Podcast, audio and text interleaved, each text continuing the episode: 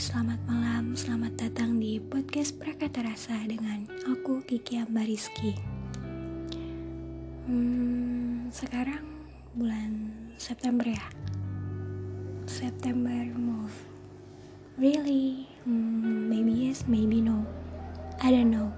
But semoga banyak hal baik yang mulai menghampiri kita di bulan ini dan seterusnya ya.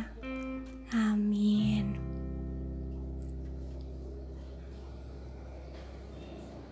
Wait, wait, wait, wait. Hmm, aku mau bahas apa ya? Sebenarnya banyak banget yang pengen dibahas. Tapi baru juga episode berapa tiga. Udah ngerasa buntu banget mau bahas apa karena saking banyak bangetnya ide. Cuma ide ini tuh kayak nggak relate hmm, bukan bukan bukan gak relate tapi kayak kurang nyambung sama cerita yang awal aku sampein. Jadi berasa kurang struktur. Nah malam ini aku mau bahas tentang culture shock. Sepertinya di sini tuh orang udah sangat familiar banget ya dengan kata culture shock tapi di sini aku mau sedikit ngasih tahu buat yang kurang paham dan mau cerita sedikit pengalaman perihal ini. Apa sih culture shock? Culture shock atau geger budaya merupakan istilah yang digunakan untuk menggambarkan perasaan seperti terkejut, gelisah, keliru, yang biasanya dirasakan apabila seseorang itu bersentuhan dengan kebudayaan yang berlainan sama sekali. Seperti ketika berada di negara asing. Perasaan ini timbul akibat adanya perbedaan dan kesukaran dalam beradaptasi dengan budaya baru. Geger budaya atau culture shock dapat mencangkup aspek yang ada di kehidupan sehari-hari, seperti makanan, cara berpakaian, harga barang, dan lain-lain. Semakin berbeda budayanya, semakin parah efek yang akan ditimbulkan. Jadi, intinya sebuah keterkejutan, ya, atau sebuah reaksi terhadap sesuatu hal yang baru atau tidak biasa kita lakukan. Nah, jadi aku mau cerita pengalamanku ya. Waktu pertama kali berada di Malaysia. Hal apa yang berbeda? Yaitu yang pertama waktu sih. Beda waktu di sini sama di sana tuh beda sekitar satu jaman. Apalagi perbedaan waktu jam sholat. Itu waktunya jauh lebih mundur daripada Indonesia. Berdasarkan informasi yang didapat pada tahun 1982 itu ternyata terjadi penyemarataan atau persamaan jam untuk menyamakan jam di Borneo. Jadi satu Malaysia ini sama yaitu GMT plus 8 atau GMT ya, GMT plus 8.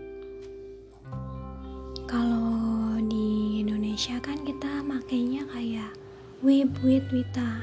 Waktu Indonesia bagian barat, waktu Indonesia bagian timur. Kayak gitulah. Nah, alasan lainnya dimajukan jam itu banyak. Ada juga karena alasan ekonomi. Seperti halnya dengan Singapura disamakan waktunya untuk memudahkan kerjasama antar negara. Yang jadi shocknya itu pas jam kerja dengan jam sholat kali ya Nah, kejadian yang pernah aku rasain tuh pas jam sholat. Kayak subuh. Itu tuh subuh baru sekitaran setengah enam. Dan itu memang apa sih namanya ya? Uh, cuaca apa cuaca? Jadi kondisinya tuh emang masih gelap banget jam 6 kita juga berangkat kerja itu jam 8 dan jam 8 itu masih tergolong pagi. Kalau kita kan biasanya jam 6 ya hitungan berangkat kerja tuh. Kalau itu jam 8 jam 6 itu masih golongan subuh. Zuhur jam satuan. Kalau kita kan jam 12 ya. Itu sih. Kemudian yang selanjutnya itu bunyi klakson di sana tuh nggak ada yang namanya bunyi klakson. Bisa dihitung jari lah. Karena berdasarkan informasi klakson itu bisa mengakibatkan kegaduhan atau keributan lah. Jadi jarang banget yang namanya dengar bunyi klakson kemudian bahasa. Banyak ya bukan banyak sih emang mestinya juga memang beda. Karena kan bukan sama negaranya. Perbedaan bahasa yang ya tipis-tipis lah. Hampir sama. Kayak mobil itu disebutnya kereta. Terus jalan-jalan disebutnya cari angin kan aneh. Buat apa kita nyari angin? Kalau di kita punya sebutannya sendiri mobil ya mobil kereta ya kereta. Kalau di sana kereta ya mobil. Kalau kita kan kereta itu jalannya di rel. Kalau ini kereta jalannya di aspal. Jadi kereta itu mobil terus apa lagi ya? Burung gagak. Di sana itu burung gagak atau banyaknya burung yang berterbangan lah. Di sana mereka tuh hidup dengan bebas.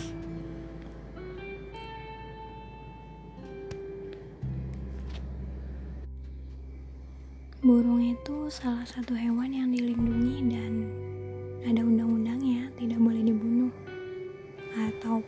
dipelihara. Kalaupun harus dipelihara itu harus ada izin berdasarkan informasi bahwa kalau gagak itu datangnya dari Inggris. Yang setelah sampai jadinya berkembang biak.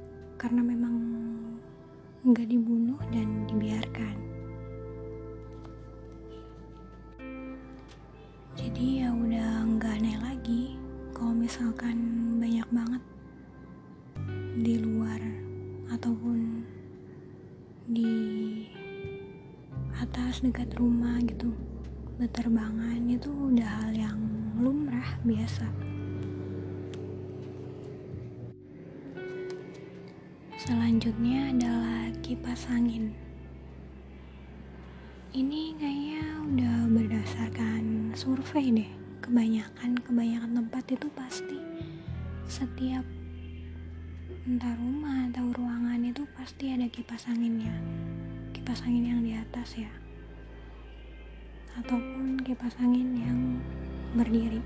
Itu udah pasti mungkin karena cuacanya yang lebih panas kali ya jadi itu kipas itu harus full nyala. Setiap hari. Selanjutnya toilet duduk. Kebanyakan yang dijumpai ya entah di rumah-rumah ataupun ya di mana pun. Toilet pakainya toilet duduk. Nggak ada yang pakai jongkok. Apalagi ya? Colokan tiga pin. Kalau di kita biasa colokan dua pin ini colokan tiga pin. Terus oh ya nggak ada angkutan umum. Jadi transportasi umum yang biasa digunakan itu bus kerja dan bus sekolah kecuali kendaraan pribadi itu biasanya menggunakan motor ataupun mobil. Ada juga sih uh, Grab Car. Tapi untuk Gojek itu nggak ada. Adanya ada, adanya tuh GoFood. Jadi di sana nggak ada yang namanya angkot.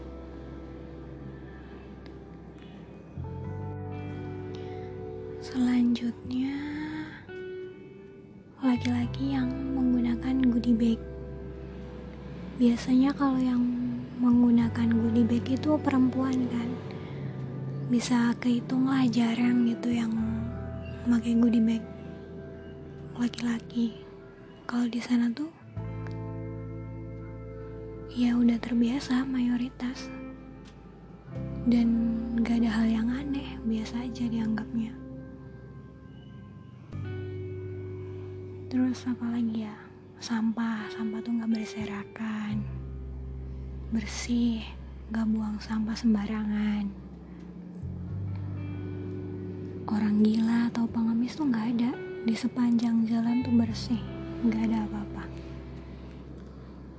nggak tahu mungkin udah ada tempatnya sendiri atau gimana kurang paham. Tapi emang nggak ada sih nggak ada sama sekali. Ya itu itu sih yang aku temuin.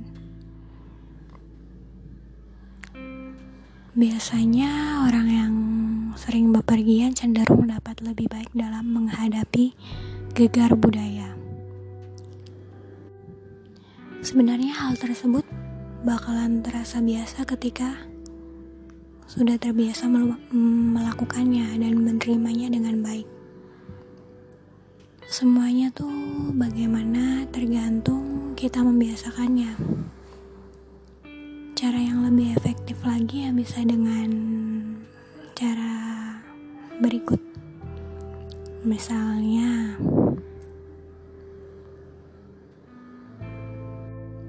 mencari tahu mengenai negara dan budaya yang ada di negara tersebut. Nah, dengan cara ini tuh kita akan dapat lebih memahami perbedaan dan bisa mentolerir perbedaan tersebut. Kemudian berpikir terbuka mengenai budaya yang didatangi.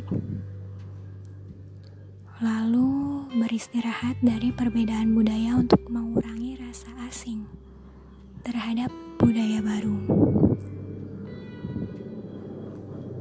Nah, gimana nih pengalaman teman-teman ketika mengunjungi tempat baru yang biasanya berbeda dari kebudayaan yang biasanya teman-teman tempati. Seru kan? Banyak hal baru yang bisa kita dapati dan juga membuat apa ya takjub gitu. Semoga apa yang disampaikan tadi bisa cukup menghibur dan memberikan manfaat ya. See you next podcast. Bye bye. Love you.